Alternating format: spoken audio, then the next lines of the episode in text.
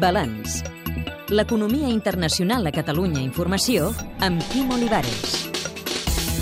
Després de 14 anys al poder, Hugo Chávez deixa una economia ineficient basada primordialment en l'exportació del petroli que ha permès finançar un generós programa social i ajudar els aliats incondicionals a Venezuela.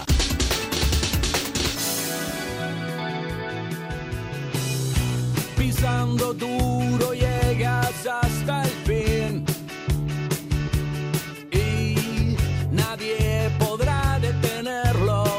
Chávez ha fet una política econòmica erràtica, amb recurrents devaluacions de la moneda que han provocat una persistent inflació i també arbitrària, amb més d'un miler de nacionalitzacions decidides en rampells aparentment improvisats. y tratando de ponerle condiciones al gobierno revolucionario. No lo acepto. Entonces dije, vamos a expropiarlo. Y está expropiado. Y le voy a cambiar nombre al Margarita Hilton. Iníciese el proceso expropiatorio a Cargill. Però els programes de salut, educació i subvenció de productes bàsics, pagats amb l'elevat preu del barril del petroli, sí que han aconseguit reduir la desigualtat social. Per John Lee Anderson, periodista del New Yorker, no n'hi ha hagut prou. Al cabo de 14 años es un país con una mayoría pobre, con una noción de bienestar gracias a él, eh, con índices al menos de ingresos, comida, alimenticios mejores que antes, pero siguen viviendo en barriadas, la mayoría muy violentas. Es decir, sus programas no llegaron a la dimensión y a la magnitud que debían. Venezuela és l'onzè exportador de petroli i té les reserves conegudes més importants del món, més que l'Aràbia Saudita. Raúl Gallegos és excorresponsal a Caracas de Dow Jones i ara a Reuters. Durante el periodo de Chávez, la dependencia del petróleo ha incrementado considerablemente. También la producción de petróleo del país ha bajado alrededor de un 17%. El problema, esta contradicción, va a ser uno de los temas principales que el nuevo gobierno va a tener que tratar de solventar en los próximos años. Però, malgrat tot, el petroli és vital també per molts països. Tanto Nicaragua, Bolivia como Cuba particularmente, que depende muchísimo del, del petróleo venezolano. Dado que lo más probable es que el chavismo se mantenga en el poder, eh, bajo esas circunstancias lo más, lo más posible es que estos países continúen recibiendo ayuda venezolana.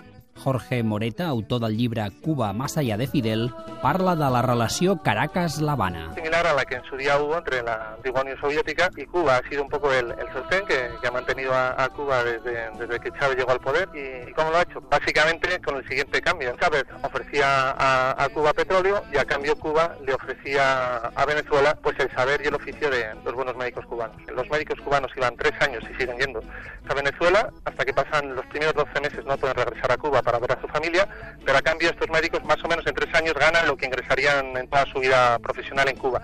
Y también la Operación Milagro, que era el camino inverso, es decir, los que llegaban a Cuba eran normalmente ancianos o personas con escasos recursos venezolanos y se operaban en la isla. Entonces, a cambio, principalmente lo que recibía Cuba era, era petróleo Segons The Economist, 115.000 barrils al dia, a un preu molt inferior al de mercat. Però això es pot mantenir? No creo que puede seguir el ritmo tan generoso de subsidios a Cuba como lo hizo Chávez. Yo creo que los cubanos deben estar bastante ansiosos en estos momentos. Joanny Sánchez és bloguera cubana. Si ese subsidio se cortara o se disminuyera, La Habana estaría obligada, por ejemplo, a abrir al capital extranjero. Però tornem a Venezuela. Caracas fa el negoci de debò amb els Estats Units, malgrat la teatralitat antiimperialista xavista. Caracas és el quart subministrador de petroli de Washington i els nord-americans són els socis comercials més importants dels venezolans. La relación con Estados Unidos siempre ha sido, digamos, desde un punto de vista mediático, tensa, pero en realidad la relación en términos de intercambio comercial se mantienen sin mayor obstrucción. Siempre un disparo suena, siempre, siempre la sirena siempre, siempre molestando viene, nunca se pregunta por qué.